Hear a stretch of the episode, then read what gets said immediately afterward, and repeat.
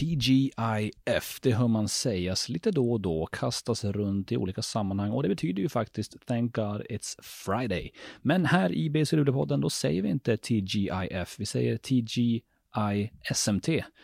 Thank God It's SMT. För det är ju faktiskt så att SMT är det företag som möjliggör BC Luleå-podden, världens bästa podcast om BC Luleå. Så stort tack till vår huvudsponsor SMT.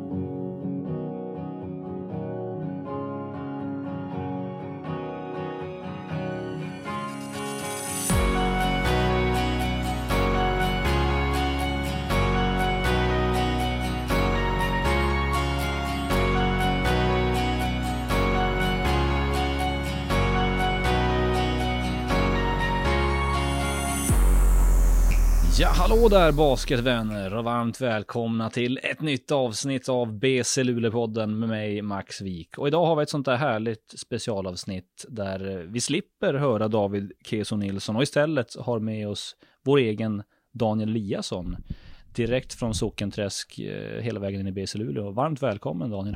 Tack så mycket. Du har längtat efter den här stunden förstår jag. Ja, jag är faktiskt, jag är faktiskt en trogen lyssnare av BC Luleå. Jag tror jag är nog en av få som har lyssnat på alla avsnitt om man ska vara ärlig. Så jag är faktiskt lite hedrad att vara här. Det är mäktigt. Då undrar jag, lyssnar du direkt via Soundcloud eller inne i, vad använder du för, för eh, app eller vad man säger när du lyssnar? Jag klickar bara på länken som du lägger upp två steg från Skuruholmen och så den som kommer upp där, vilken, det vet jag inte vilken det är. Ja, det, det är nog Soundcloud direkt det. Men eh, för då, då vet jag fan om du har en egen Soundcloud-användare. För jag kan jag kartlägga och sitta och titta och, och nörda ner mig i exakt vilka som lyssnar. Uh, så då är det någon anonym användare och det är kanske kul för dig. Ja, det känns bra. Då vet jag att jag inte det syns att jag lyssnar. Kartlägger det. Du, um, du är inne på din första säsong med BC Luleå och jag tycker vi ska börja lite och prata om nuet. Hur har det varit än så länge, nu när vi nästan halva säsongen har gått typ? Ja, det har varit precis som jag hade tänkt det skulle vara. Det är en professionell klubb och det här är en basketstad och man, man känner att många kollar på basket och en annan uppmärksamhet runt omkring och sen, ja, en professionell klubb är precis som jag hade tänkt det skulle vara. Hur har det varit att få komma hem till Norrbotten då? För du har varit borta, det ett gäng år nu ändå. Ja, jag har varit borta, jag tror det här är sex år har jag varit iväg. Och nu har jag fått komma hem och Ja det är speciellt nu när jag fått barn och sånt. Man märker att familj och vänner och stöta på polare på stan och som man har spelat basket mot förut. Det, det händer i vardagen nu istället för att de händer kanske ja, när man kom hem två gånger per år förut. Du, du säger att det var exakt som du förväntade dig att komma hit. Men vad var det du förväntade dig då? Ja, jag förväntade mig Eh, vad ska jag säga, mycket publik på läktaren, bra spelare runt omkring mig. Sen Eddie har jag hört rykten om och han var mer än vad jag hörde rykten om. Han var verkligen, han är en klippa. Och sen, ja, det är som en basketstad och det var precis det jag förväntade mig. Eh, om vi tittar och snackar resultatmässigt då för laget. Just nu sitter vi på tredje plats. Eh, är det ungefär också det du hade tänkt dig? Ja, vi ska ju vara där uppe, men jag tycker vi ska ha vunnit någon till match. Men vi, vi är ju ändå, det är bara skiljer en match mellan ettan och, ettan och trean. Så vi är i en bra, bra, situation och är på väg in en ny kille i laget nu och tycker det ser bra ut. För din egen del då, eh, vad hade du för förväntningar på speltid och, och, roll och hur har det motsvarat verkligheten tycker du? Jag, jag skulle säga att jag är precis det jag hade förväntat mig. Jag får spela är jag bra får jag spela lite mer, är jag sämre får jag sitta på bänken och det var jag helt redo på. Men sen, sen så är jag bra matcher då får jag spela och så jag tror ändå jag är nöjd med min roll. Lysande. Du, eh, vad är du uppe i för trepoängsprocent nu? 48,5 tror jag. Är det det? Ja, jag tror det. Jag trodde det var tok mycket sämre. Ja. Har du mål där då? Nej, jag har aldrig skjutit 50% på en säsong. Jag kommer att berätta en historia, här är true story. Det var mitt andra år i Nässjö tror jag. Eller mitt första år. Eller nej, jag kanske var i Sundsvall då. Eller men något år i alla fall. Jag sköt skitbra på början av säsongen. Jag tror jag sköt såhär 55 procent från trean. Fick spela lite mycket. Jag tror det var i Sundsvall var det. Och sen säger min farsa, hörru vad heter du du skjuter på från trean? Han, han bara, jag har ingen aning. Jag hade skjutit 55 procent. Du är bäst i ligan säger han på det.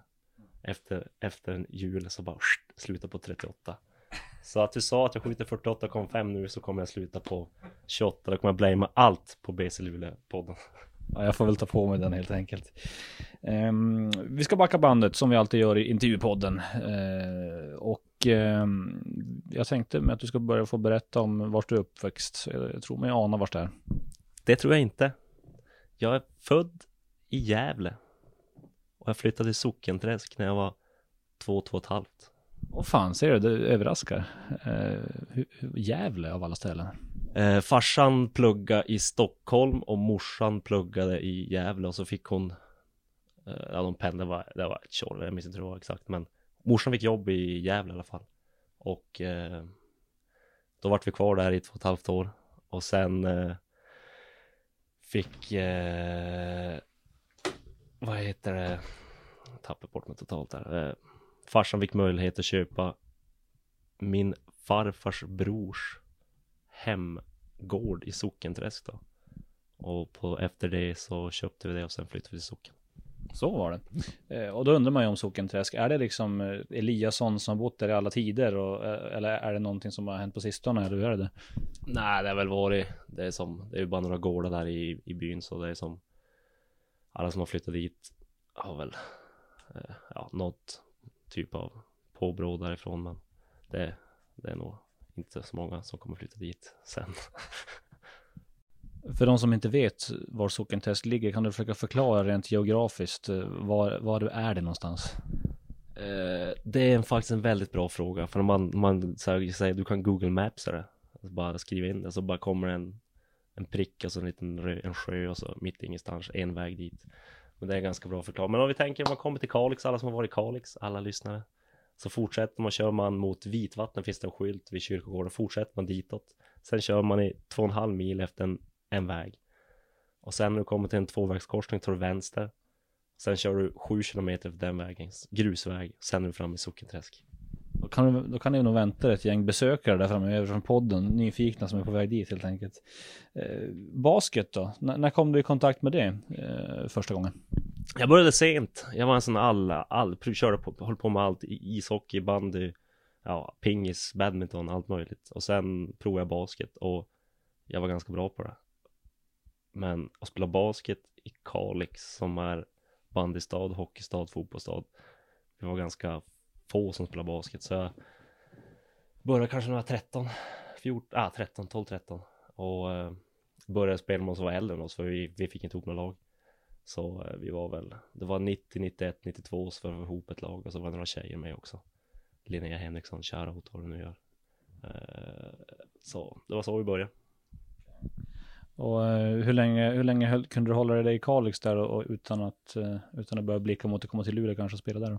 Ja, vi höll på ett ganska bra tag för vi det var, inget, det var lite tufft för mig som då var 92 som spelade med 90-91 och då tyckte min farsa och några till papper 92 årgången att vi måste få ihop ett lag för 92orna och då kom de på smarta idén, ja men vi pendlade till Övertorneå. Och de hade 5-6 stycken 92 där. Så vi pendlade till Övertorneå och spelade ihop oss med dem. Så då startade vi ett, ett 92-lag eh, med Övertorneå och Kalix då. Och eh, vi kallar oss Pokal, så tyckte det var lite, för att ha polcirkeln Övertorneå då. Så blir det pol och så Karl, så det, jag tyckte det var lite, lite kul. Så då spelade vi ett gäng år, jag tror vi vann DM-guld med det laget. Back in the days. Tror jag spelade, jag kan spela, jag tror jag var 15 eller 16 när jag slutade i Kalix basket och började spela med Råner då i eh, division 2 spelade jag ja, hur kan jag spela där? Tre, två, två säsonger kanske eh, nu är det, det här är så länge sedan, man börjar bli så gammal så jag kommer knappt ihåg det här och sen så började jag spela med Luleå Steelers och det var när jag var 17 tror jag om jag kommer ihåg rätt nu kan det ju mycket ålder, år här som jag blandar ihop men jag, jag tror det är resan i alla fall Ingen som kommer gå in och fact-checka ändå, så det är lugnt. Ja, jag vet aldrig. Det finns många... Fakta är viktigt. ja, så är det. Eh, du nämner lite av, av sveper förbi ganska snabbt där, men eh, någon gång när du spelade med, med Ronio så måste du ha sökt till Luleå Basgymnasium, eller hur? Berätta om det. Eh, du, måste, du måste backa bandet tillbaka till Sockenträsk, Vitvattnet så här, för att eh, jag började skolan ett år tidigare, så jag gick med 91 istället för 92orna. Och det är en lång historia men eh, det vart så i alla fall att vi jag började skolan ett år tidigare. Så när jag skulle söka basketgymnasiet så sökte jag med 91 erna Och första året jag sökte basketgymnasiet då var det så här bara okej, okay, jag söker med de som är ett år äldre. Jag är med på uttagningen, ser hur det funkar och försöker bli bättre, det är bra träningar och sånt. Så jag körde uttagningen. Men jag kom inte med då, det var ju Jontelag, det var ju riktiga tunga namn som var med där. Men sen då var jag så tjurig så jag ville ju, då gick jag ett år på byggprogram i Kalix då. Och då tänkte jag, men jag kan ju flytta över min, min utbildning till Luleå då när jag flyttar när jag kommer in på BG. Var skit självsäker på, ah, ja, 92 årsgången, jag kommer in hur lätt som helst. Sökte jag det där då och var där, tyckte jag gjorde bra ifrån mig och tänkte, ja det är ju enkelt. Och så fick jag nobben och jag var inte nog bra helt enkelt hur gick tankarna då, då när du hade gått in självsäker där och, och så fick du nobben? Det, det var ju klart det var tungt. För det var ju så här, alla som kom in på BG på den tiden var ju coola. Shit, BG-killar i laget, wow. Då man vill ju vara en av dem som kom in där men eh, jag bet i sura äpple och så fortsatte jag träna och så vart det 500 timmar buss istället. Ja, exakt. För när du inte kom in där, då blev du ju Steelers någon gång under i division 1, någon gång under gymnasietiden ja. antar jag. Nej, men det var ju, tror jag, slutet av första året, början av andra året som jag fick chansen då att komma till Steelers. Men då gick jag i skola i Kalix då, hade ingen körkort, jag tror jag var 17. Född sent också, oktober, så det var länge kvar till körkortet. Mamma och pappa som jobbar och inte så sugna på att köra bil till Luleå fem, fyra, fem gånger i veckan. Så fanns det ett alternativ att åka buss. Vad, vad har vi för eh, restid då för att ta sig till Luleå från socken? Alltså det, det, var ju att jag, jag var ju redan i Kalix när jag gick skolan. Så jag gick ju 7 till 4, eller 8 till 4 skola. Och sen var det att sätta sig på första bussen som gick, kom ihåg busstabellen fortfarande tror jag, 16 35 eller sånt där gick den från busstationen. Och så var man framme, vad är det, 1.30 kanske med bussen, framme 5. Och sen då, beroende, jag tog ju bussen och beroende på vilken tid vi tränade Men oftast tränar vi sent med Steelers För det, är några, det var några sådana här diver som spelade base i Luleå som tränade innan Steelers på min tid Så ja Vi tränade ju alltid sent så vi tränar typ 20.30 till 22 ibland Och sista bussen går 22.41 Från Luleå busstation, och kanske ändrar det nu men den gick 22.41 förut Så då var det att springa till bussen Och så hoppa på, och sen var man hemma just efter 12 i Kalix Står morsan och farsan och väntar på mig på busstationen i Kalix. Och så hemma kanske halv ett i Sokenträsk. En liten resa för att, för att åka och träna i en halvtimme i Luleå. Ja men det var värt det. det, var, alltså, jag brukar säga så länge man tycker det är kul och man känner att man får ut någonting av det så gör det inte så mycket om man åker en och en halv timme buss. Jag kunde ju plugga på bussen så jag gjorde aldrig läxorna hemma. Jag gjorde alltid läxorna på bussen och sånt. Det var mycket eh, plugg på bussen. Men så länge man tycker det är roligt. Den dagen vi säger så här, den dagen jag tycker inte basket är roligt längre, då kommer jag sluta med det. Och det var då jag kände att det var ju allt basket på den tiden, så sitta en och en halv eller tre timmar buss per dag, det var ju som, det var ganska avkopplande och ta det lugnt. Det var aldrig jobbigt någonsin och du kände att fan det här gick jag inte hålla på med? Nej, som jag säger, jag tyckte det var kul och jag hade mitt gäng här, det var ett bra, vi hade ett bra lag i stil och så jag ville utvecklas och sen när vi slog BG på varje gång med Steelers-laget så kändes det ganska bra att åka den där milbuss och de som kom in och slår dem. Hur många säsonger blev det då med, med Steelers? Det, det vart ju bara en säsong med Steelers och sen bytte det till LF Future, tror jag bytte. Så det vart en säsong med Steelers och sen vart det två med Future. Och sen drog jag iväg till Sundsvall då. Eh, och Sundsvall eh, Dragons då på den tiden i basketligan. Var, hur gick den resan till när du hamnade där? Var det att du blev rekryterad eller vad hände? Nej, det var en ganska, det var, det var inte så välförtjänt, eller hur enkelt förtjänt. Det, det var något som hette The Next Generation. De bjöd ner mig på en, en vecka, eller ett fyra dagars eh, träningsläger. Där vi fick boende och lunch och middag och så fick vi där träna två pass per dag och visa då, alltså de skulle efterlikna hur det var att träna ett liglag Så vi körde två pass per dag i fyra dagar och sen eh, så skulle de höra av sig de som fick en plats.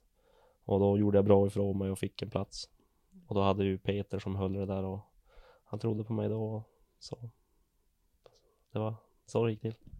Var, det då, var man garanterad en plats i, i ligalaget då eller var det mer att man, man skulle spela med Orongo där i division 1 eller hur låg det till? Ja precis, det som, vi var ju Vi har ju tänkt som träningsspelare och sen om det går bra så kan man få någon minut Men huvudsaken var ju dit för att spela med division 1 lag i Orongo och hjälpa till där Och det var eh, faktiskt Det var Det var bra att spela, jag tycker att Alla som har chansen att göra det Om man spelar ett ligalag ska verkligen Få okej okay att träna och sånt här och, men Jag tror man utvecklas mest med att få spela. Det spelar ingen roll om du är klart att träna men du måste spela för att kunna bli bättre. Så om man har möjlighet att göra det ska man verkligen göra det. Jag gjorde det så gott jag kunde. Hur eh, länge tog det innan du då fick chansen på allvar i ligan? Där? Alltså, ja, jag fick ändå lira. Jag fick några inhopp första året. Men sen när vi hade Man ska inte säga tur i otur men det vart Det vart lite skador och sånt Innan de fick in en ny kille Så jag fick När den här personen var skadad så Fick jag chansen i någon match och då gjorde jag bra ifrån mig och då kanske coachledning fick upp ögonen för mig lite och Visste att han ändå kan ändå om man får chansen så jag hade ett flyt första året hur mycket hade du tanken på att, på att liksom direkt få speltid i ligan? Var det, var det något du väntade dig eller? Nej, nej, nej, nej, nej. Jag kom till, det var Jag kommer aldrig glömma Det här är en true story eh, Aim Saloon har spelat i LF Basket här Som det hette Och när han spelade här då spelade jag i LF Future Jag tror det var Steelers till och med Och I samband med att jag skrev på för Sundsvall Dragons Så Kom det fram att Emil Saloon skrev på för eh, samma lag. Och jag, jag alltid gillat Emil Salon. Jag såg, såg upp det när jag var när jag var yngre och tänkte shit, hur fan ska det här gå? Ska jag träna med Emil Salon? Det är ju fan omöjligt. Det kommer ju gå fanders. Det gick ju det i första träningen också. Han hade ju fest med mig. Men sen kände jag, ja, fan jag kommer lite närmare och sen var han en jättegod gubbe också. Så han, eh, han var verkligen en, en förebild och det var verkligen kul att spela med honom. Ja, kul. Ni är inte helt olika, två skyttar som, som är inte är rädda för att lossa sådär. Nej men han, han, han, han är lite mer atletisk än mig. Du kan säga att han dunkar back in the days i Sundsvall, det bara small i ringen. Smygatletisk kanske. Um, vilka, har du några andra sådär liksom riktigt bra minnen från tiden med Sundsvall Dragons? Så det, var, det blev ju några säsonger där. Det har varit eh, två år med Peter och två år med, med Tommy Hansson då ja, vi kom, mitt första år var ju verkligen, eh, då gick vi till SM-final, SM-final och förlorade mot Södertälje med John Robertson i spetsen. Så det, det ska jag säga var, jag tror jag fick göra så här eh, 28 sekunders inhopp i en SM-final, så det var, det, jag ska ta med det och få spela SM-final. Det är ändå någonting att ta med sig. Uh, hur var det som stad då, att bo, bo i Sundsvall då? Och, och flytta hemifrån ganska, ganska, nu hade du varit i Luleå ett tag, men och du bodde ju för sig inte i Luleå och sådär, men du fick ju ändå flytta en ganska bra bit hemifrån. Det, det tror jag var det bästa med att fara iväg och spela. Det var att man fick se, se en annan stad och klara sig själv och tvätta och laga mat och, och Sundsvall är en fantastisk, jag trivdes jättebra i Sundsvall, inte för ros skull att jag stannade där fyra år. Även fast det var i skriverier om klubben med ja, allt som har skrivits om Dragons som ekonomiska. Jag trivs jättebra där. Jag har fortfarande vänner kvar i Sundsvall som jag har god kontakt med fortfarande. Och eh, på väg uppåt igen kanske basketmässigt i staden också? Följer du det där på avstånd eller? Ja faktiskt, KFUM Sundsvall tror jag de heter nu. Jag håller koll på dem. Adam Alexander som var assisterande tränar fortfarande och det är några William Skage som eh, jag spelar med i Dragons. Jag håller på komma tillbaka så, men det går lite tungt för dem. Men jag hoppas att om några år så kanske de är tillbaka. Hur mycket utvecklades du som spelare där i Sundsvall? För det känns ju som att det kanske är där du tagit störst kliv, eller? Ja, verkligen. Det var ju där jag tog etablerade mig. Första två åren kanske var så mycket, men tredje och fjärde året då spelade jag ändå 20 minuter per match. Eller inte 20, nu kanske jag tog i, men så jag fick ändå lira mer där och där utvecklades jättemycket. Jag fick ju spela med bra spelare, hade alltid bra bra spelare och kanske inte ekonomin tillät det, men de hade alltid bra spelare. Och bra coacher och hårda träningar, så det var ju där. Och så fick jag spela med Orungo också. Inte sista två åren, men första två åren spelade för då fick jag ändå spela så pass mycket så de tyckte att jag inte behövde spela i division 1. Så det har verkligen utvecklat mig, det kan man absolut. En ganska härlig revansch att få känna att man blir etablerad i ligan och när man blickar tillbaka och minns en, en nobb på BG till exempel. Ja, det, det värmer i hjärtat även fast det hade varit kul att komma in också men eh, det är inte precis, jag tror att många stirrar sig blind på det att komma in på BG och fast nu finns det ni också som jag tror är jättebra som uh, Håkan håller i va? Ja, det tror jag är hur bra som helst och det, för det, det, jag tycker det ska finnas ett, ett andra alternativ. Så när jag, när jag växte upp då fanns det som inga andra alternativ. Eller fanns det men då kunde de inte erbjuda, ja det gick inte helt enkelt. Så jag tycker det, är bra att det finns. Eh, för, om vi snackar personligt då, för att eh, jag minns när man följde på avstånd eh, i Sundsvall och så såg jag en bild på dig plötsligt. Vad fan, Danne, han har, han rakat hela skallen liksom. Vad, vad har hänt där? Och, och, du har ju pratat om det i intervjuer förut. Vad, vad var det som hände egentligen? Det, nu ska jag säga, jag googlar det här uttalet. Multipel, nej det är ju MS, det tar vi sen, det kommer, det kommer vi klippa. Vi tar bara, alopecia universalis heter det. Det är en autoimmun hår, eller en autoimmun sjukdom som gör att immunförsvaret anfaller hårsäckarna och gör så att det inte växer hår helt enkelt. Och det är inget farligt och det är inget fel med det, men det visste inte jag när jag fick det.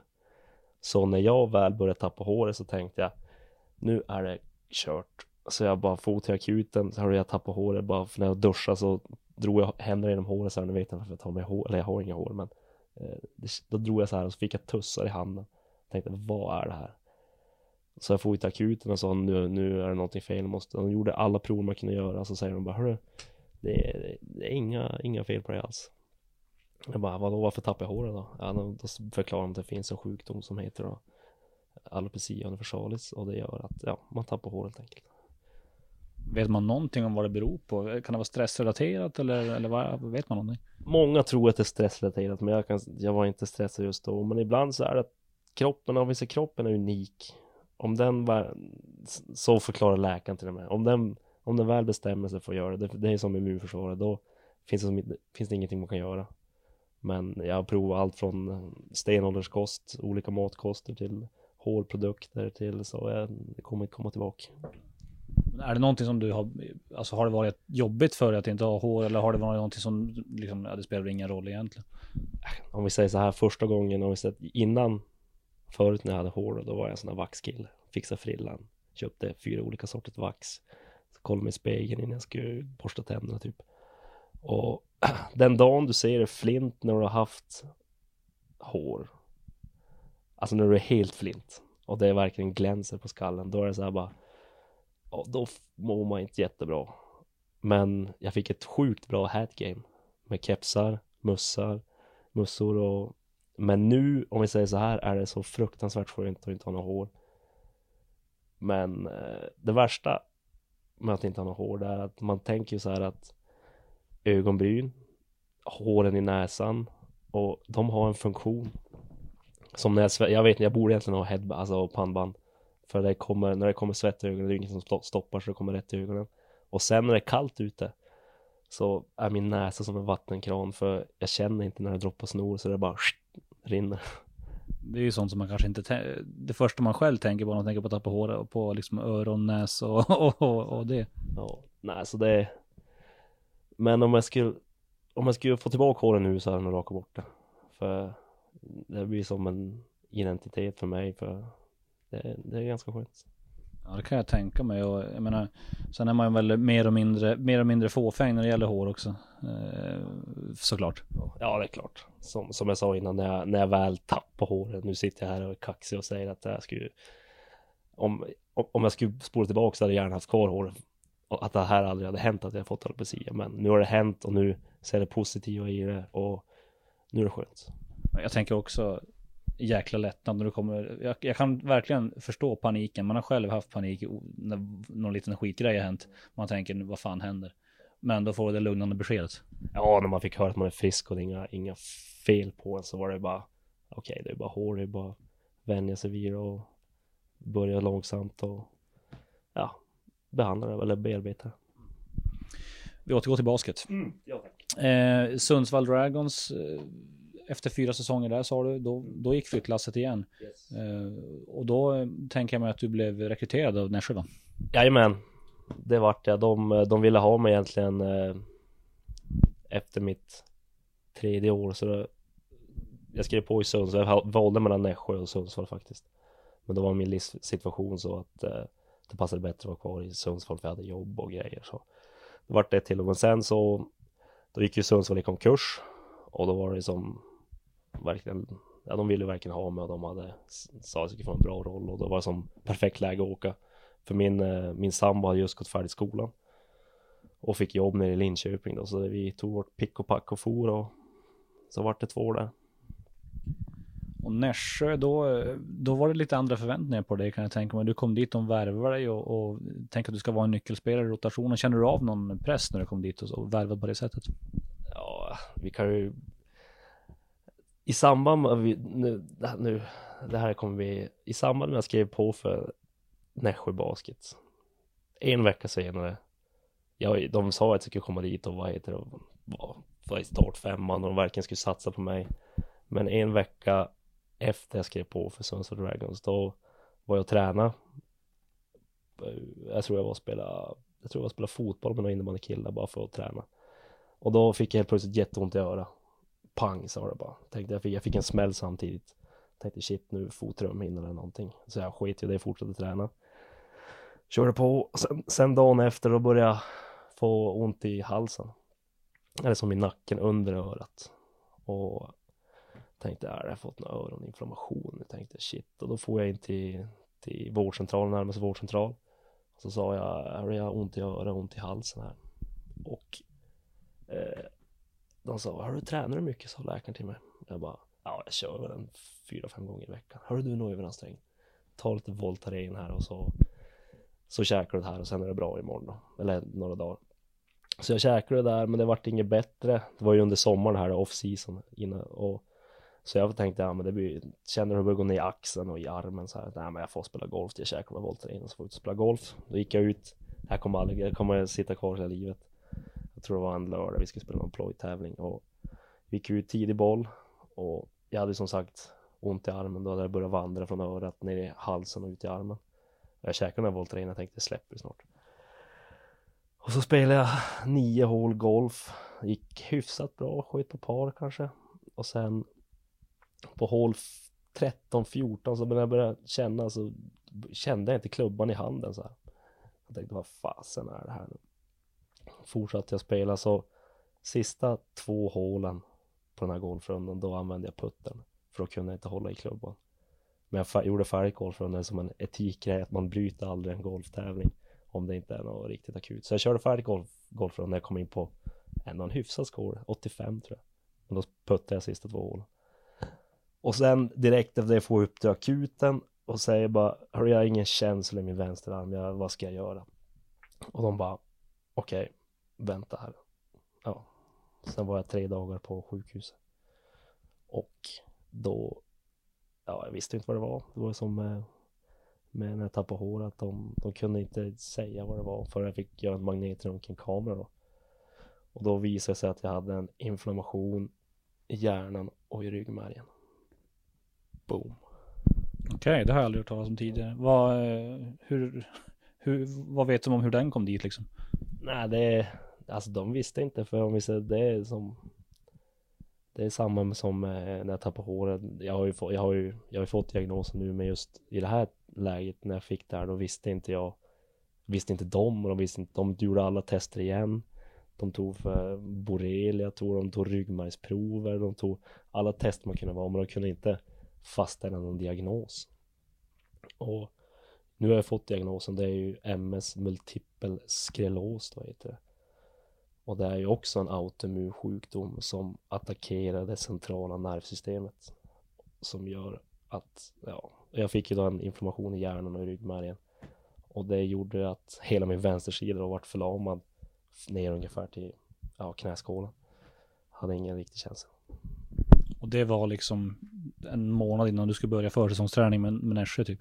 Ja, det var typ ja, en månad innan jag skulle, ja, nej, inte en månad, säg två, tre månader. Det, jag tror det var jag minns inte exakt vad det var, men det var ett tag innan jag ska åka ner till Nässjö. Så i samband med det här, så hur ska, jag, hur ska jag ringa till Uffe Claesson då som det var och säga att hörru, jag, jag kan inte röra min vänstersida. Så, men jag ringde för Uffe Claesson och förklarade vad som hade hänt. Jag sa bara, hörru Uffe, det har hänt en sak. Ja, var du skadad? Jag bara, nej, alltså jag vet inte, jag, jag har ingen känsel i vänsterarmen.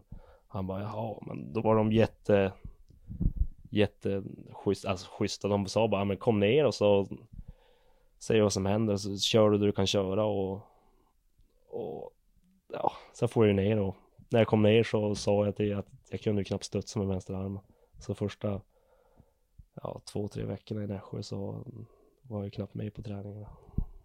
Och, och, i det läget så visste du inte vad det var eller? Nej, jag visste inte vad det var. Men det vart ju successivt bättre för att i samband med att jag fick den här domningen då så fick jag ju eh, maxdos kortison intravenöst då som var till att dämpa den här eh, inflammationen i hjärnan.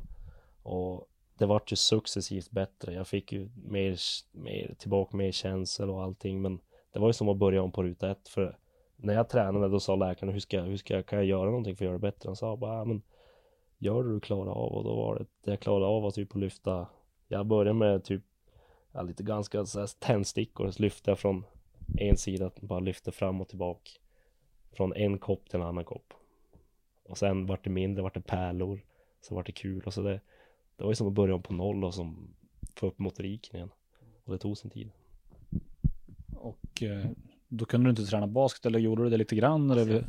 Jag försökte, jag gjorde ju allt jag kunde men då var det så pass färskt så helt plötsligt kunde min, för jag läste på lite för runt nervtråden finns något som heter myelin och den här äh, nervskadan jag fick då, då skadades myelinet runt nervtråden och när man blir varm och sånt då, när de skickar ut nervsignalerna då vet inte om vart de ska ta vägen och då kan man, då kan jag få samma symptom som jag hade och eh, då var jag tvungen att sluta träna och man blir ju ganska varm ganska snabbt. Men jag, jag, jag gnetade på och gjorde det jag kunde.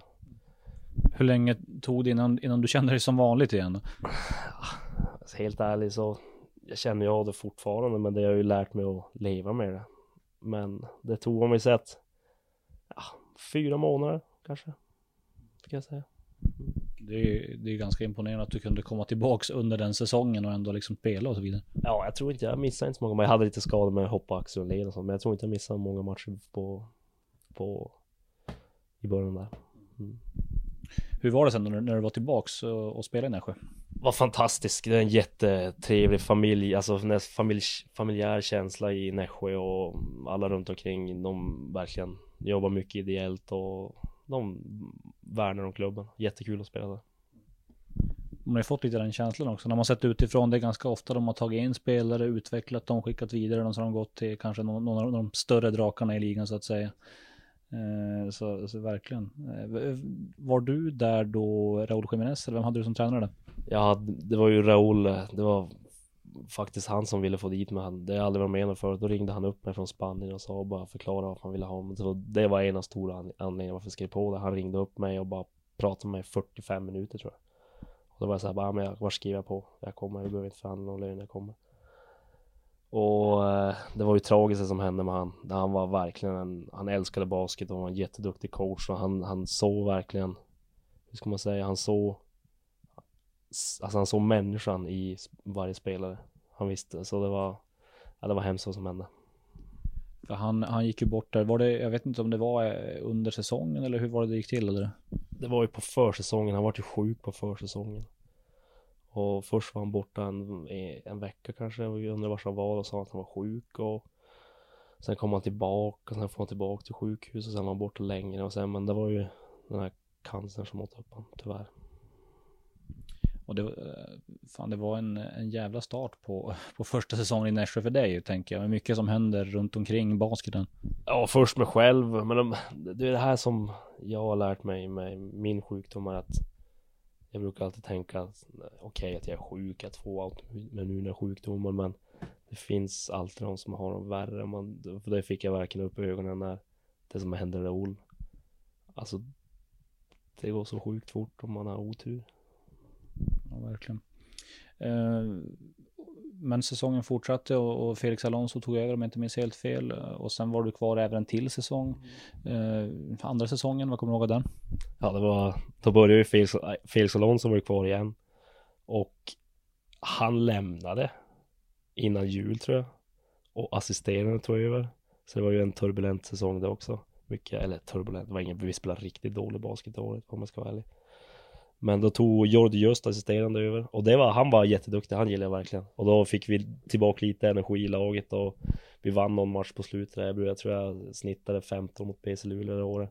Spelade bara bra mot BC Luleå, så det var viktigast. Jag har, jag har fan ett minne av det. Det känns som att varenda match du har spelat mot den här föreningen i olika klubbar så har det gått bra. Ja men det var ju så man kom hem och man ville visa, det var ju som man ville visa upp sig för man ville liksom lägga ut, visa CV lite när man mötte den klubben. Så det var, man tog alltid lite extra, det låter ju fel att säga att man tog lite extra, men det var som att man verkligen ville sätta de här skotten och skjuta lite skott som man skjuter ibland när man möter Luleå. Ja, det förstår jag. Och har du hela tiden jobbat vid sidan av? För du, som du har berättat, du har gick byggprogram och sådär. Mm. Har du alltid jobbat vid sidan av? Mitt första år i Sundsvall, då, då tänkte jag nu ska jag satsa på basket. Så då tränade jag faktiskt två gånger per dag och körde alla träningar. Men mitt andra år, då började jag lite smått att jobba. Men då jobbade jag först, för då ville jag ju fortfarande kunna träna två gånger per dag. Så då började jag jobba på Larys i disken och jobba på sånt där. Men det, jag orkar inte göra det så då började jag jobba som snickare. Men då var jag ju lärling fortfarande så jag jobbade bara timmar, lite strötimmar så här åt ett byggföretag. Mitt, an, mitt för andra år. Men sen tredje, fjärde och efter det så har jag jobbat varje år. Och just nu, pappaledig eller? Pappaledig, Malte kör slut på pappa där hemma. Han, är, han är överallt och springer runt. Men det är fantastiskt roligt och man eh, faktiskt njuter av att vara hemma med honom. Förstår. Två heltidsjobb har du där nästan. Ja, shit. Ja, det, det är när man kommer till träningen bara, åh, åh tar det lite lugnt. Hur gammal är grabben nu? Han är 15 månader, så han är ett år och tre månader. Mm. Vi ska gå vidare i kronologisk ordning hade jag tänkt. Och eh, för två säsonger i Nässjö och sen då var det dags för Umeå. Eh, efter det, hur gick det till när du hamnade där? Eh, det gick till så att Ida fick ett jobb. Nej, hon vart ju, hur fasen var det där nu igen? Hon, nej, så här var det om jag ska vara. Luca Romano ringde upp mig och marknadsförde Umeå Basket jättebra och Ida var gravid och ville flytta hemåt. Och då fick jag inget, jag hörde av mig till Luleå men det vart som bara lösa kort och då hörde Umeå av sig och då, nej men det är ju hyfsat nära hem och då vart det en bra lösning. Och hur, ehm, vad var det, två, blev det två säsonger där eller en säsong eller vad blev det? Det var bara en säsong. Det, det var om vi säger Jag har faktiskt haft tur. Jag tycker att alla klubbar som är i basketligan gör det bra. Även Umeå, de har en jätteliten organisation och många som jobbar ideellt och Ja, de gör det bra alla lag som är i ligan tycker jag. Vad ehm, tar du med dig från den säsongen i Umeå då? Jag tar med mig att där var ju faktiskt tänkt att vara en liten, inte stjärnspelare men ändå vara en startspelare och, och jag har ju aldrig haft det förut att man ska leverera så här. För när jag var i Nässjö då var det ju alla omständigheter och allting sånt. Och när jag kom till Umeå nu då var det ju tänkt att jag ska och nu när, när inte jag sköt Jag hade fått någon som har sagt till mig att Varför skjuter du inte mer? Du måste skjuta mer, ta lite svårare skott Och jag fick det i Umeå så det tar jag med mig att att man ska ha lite förväntningar på sig att om du inte gör, gör varken försöker så får du lite kritik för att du inte skjuter mer. Mm. Börjar du skjuta mer då? Jag gjorde det någon match. Men jag är inte den killen. Jag, jag skjuter det jag tycker är ett bra skott och klart någon gång kan jag väl få för mig att kasta iväg något idiotskott men jag gör sällan det. Det var inte mitt game men jag kanske skulle ha gjort det, satsa eller ta chansen när det var men jag gjorde inte men det vart, det gick som det gick. Och eh, du ville hemåt och du, du kröp dig sakta men säkert närmare Umeå först, me mellanlanda och nu är du i Luleå. Hur, hur gick det till när du hamnade här? Rekryteringsprocessen? Ja, vad ska jag säga? Eh, jag tror det var, jag vet inte om det var jag eller Peter, så jag tror det var Peter som ringde. Eller jag, jag pratade om att ringa Peter för Ida, vi hade ju fått Malte och vi bara ja, det är lite långt hem. Det, till Idas föräldrar, för Idas föräldrar jobbar, eller bor i Skellefteå. Till hennes föräldrar gick det jättebra att åka från Umeå med Malte och, och alltihop. Men att åka från Umeå till Sockenträsk, det var en mardrömsresa. Det var en, jag tror vi körde någon gång på åtta timmar som var så en fyra timmars körning. Det, det, det gick inte. Då kände vi att optimalt hade varit Luleå. Och i samband med det här så hade Ida fått ett jobberbjudande i Luleå. som var jättebra som, ja om jag ska vara helt ärlig så hade vi ändå, om, om inte jag hade skrivit på för BC Luleå hade vi flyttat hit ändå. för Ida har fått ett sånt bra jobb och jag, jag Luleå Steelers finns alltid i hjärtat så jag hade spelat basket på något sätt. Så det var som ganska naturligt. Det var inte precis så jag förhandlade allt för mycket med Lars Mosesson när vi skrev på kontrakt.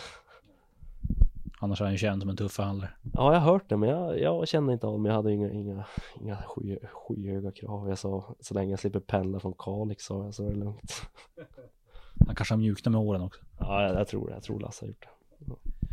Um, du nämnde lite i förbifarten här för ett tag sedan uh, att när du var ute och lirade lite golf. Mm. Och jag vet att i en sändning alldeles nyss på SPL, SPL Play så nämnde Jonte Karlsson dig som basketligans bästa golfare sa han. Håller du med om den titeln? Här kan jag faktiskt vara lite kaxig tror jag. Här kan jag faktiskt säga att jag är särklass bästa golfaren i basketligan. Det är skönt att höra. N när, eh, hur länge har du på med golf då? Ungefär lika länge som jag har hållit på med basket. För det var som perfekt. För det är ju en sommarsport och basket är en vintersport. Och eh, somrarna är inte så långa så när när basketen väl var slut då var det så här ja, lagom att börja spela golf här uppe. Så jag har hållit på ja, på somrarna och sen har jag byggt egna ranch, ranch hemma på vintern så byggde jag hemma i socken så pressade jag upp med skotern så pressade jag upp ranchen på sjön och så gjorde jag egen ranch och det finns möjligheter att träna även på vintern. Golf, precisionssport, eh, trepoängsskytt är du också. Finns, går det en rak linje mellan att vara en duktig golfare och vara en bra skytt? Det gör det. Golf är en sån här, hur ska man säga, nötarsport. Man ska ju göra samma sak hela tiden. Man ska memorera en, en rörelse och skott är okej det blir inte riktigt samma sak men skotten jag skjuter i alla fall då är det oftast ingen inom två meter du kan ha tid att göra din, din rörelse och det är samma rörelse att repetera och det är jättemycket likhet. Vad har du för största meriter inom golf om vi säger så då? För du har, jag vet att du har varit och nosat på ganska hög nivå. Mm. Det skulle jag säga är när jag var sex, kanske skulle fylla 17, då sa min farsa till mig, hörru, vi gör så här, vi åker ner och så ska du kvala in till Nordea Tour. Jag bara, vad vräker du ur dig? Jag åker med, jag keddar åt det, sa farsan. Så då åkte Mikael Eliasson och Daniel Eliasson från Sockenträsk åkte till Elise Farm så långt ut i Skåne man kan komma åkte vi och skulle spela kval till Nordea Tour. Och vi kommer dit och det finns inte ett träd så långt ögat kan nå och det blåste så det bara sjöng om det. Men då gick jag och vart 26 på den tävlingen av 100 någonting. Och då fick jag full kategori på Sveriges högsta tour. Det är nog min största golfmerit. Det är ju imponerande. Har, tänkte du någonsin tanken att fan nu kör vi basket som andra sporter? Nej, alltså någon gång fanns det ju bakhuvudet men det som är golf då i alla fall när jag, när jag bodde bodde i Luleå, alltså hemma det går inte att bli om man inte har för mycket, alltså mycket pengar eller ja, någon form av sponsring för att alla tävlingar går i södra Sverige om man ska bli någonting. Så det, och så är det, nej, det gick inte. Men jag bodde i Nässjö hade jag kunnat satsa på det för då var säsongen fyra månader längre och alla tävlingar var inom en och en halv timmes bilfärd då hade det funkat. Men just i min situation var jag bodde och det här så vart det mer en hobby och satsa på basket hur mycket golfar du idag då och eh, hur bra är du idag? Jag spelar på plus 0,2 i handikapp just nu. Och i fjol, in, eller när vi, innan vi fick Malte så sa jag till Ida, för jag träffar så många pappor på golfbanan som sa ja när jag fick barn så spelade jag ingenting. Och jag sa bara, ah, det kommer inte hända mig. Och så kom Malte och sen har jag inte varit på golfbanan allt för mycket. Men det har varit värt det. Men då i somras när jag flyttade hit så fick jag spontant för mig, ja, men jag, jag vill ändå spela en tävlingsrunda. Jag brukar alltid spela en, någon tävlingsrunda per år. Så då fick jag nys om att eh, klubbmästerskap här i Luleå ska gå. Och då betalade jag in ett Greenfield medlemskap, det minsta man behöver betala för att vara med i, i eh, KM-mästerskapet då. Och eh, hade inga förväntningar, jag hade kanske spelat en åttondel av vad jag brukar spela. Och så spelade jag faktiskt riktigt bra och gick och vann det där då. Så jag är Luleås bästa golfare. Det är inte illa hörru du. Eh, du vilar dig i form. Ja det kan man lugnt säga för om vi det var, det var länge sedan jag spelade så bra för hade jag Hade jag puttat bättre så hade jag skjutit mycket lägre men det är ju det här, då är det här Jag hade inte tränat så mycket så det var faktiskt riktigt kul Och eh, i och med att man är, att man är klubbmästare i Luleå, då får man en, eh, vadå? Man får en, eh, en eh, egen parkeringsplats nära klubbhuset och ära. Skönt att ha nära, nära till, till klubbhuset. Ja men det är ju Så står en stor skylt klubbmästare dam En för herr och en för dam som står där bredvid varandra. Så det, Jag brukar alltid tänka eh, för, Förr i alla fall när jag var Nicole Mikalix hemma back in the days Då hade jag en sån här riktig skruttig bil och sånt. Så jag funderar på att köpa den skruttigaste bilen man kan köpa Så får jag ställa den på KM mästare och bara För att irritera någon Jag har en gammal Volvo 240 om du är intresserad. Ja men det ska funka, det ska funka Hör du Daniel, nu är jag jättenöjd sådär. Här är någonting du känner att vi inte har avhandlat? Nej, det är väl att hylla eh, Lulekebaben ska jag väl säga mm. Bästa kebaben i världen Fy fan vad du måste ha saknat den när du bodde nere i Nässjö och i Sundsvall och Umeå och allt sånt där. Ja, det var en fröjd att ta och käka när man kom hem Det var, det första jag gjorde var att köpa en Lulekebab En riktigt stor flaska orientdressing. De har man alltid i kylen. Oh ja, oh ja, mycket bra Då säger vi jättestort tack till Daniel Eliasson och eh, tack till er som lyssnat och framförallt tack till vår huvudsponsor SMT. Det här har varit BC Luleå-podden och vi säger på återhörande.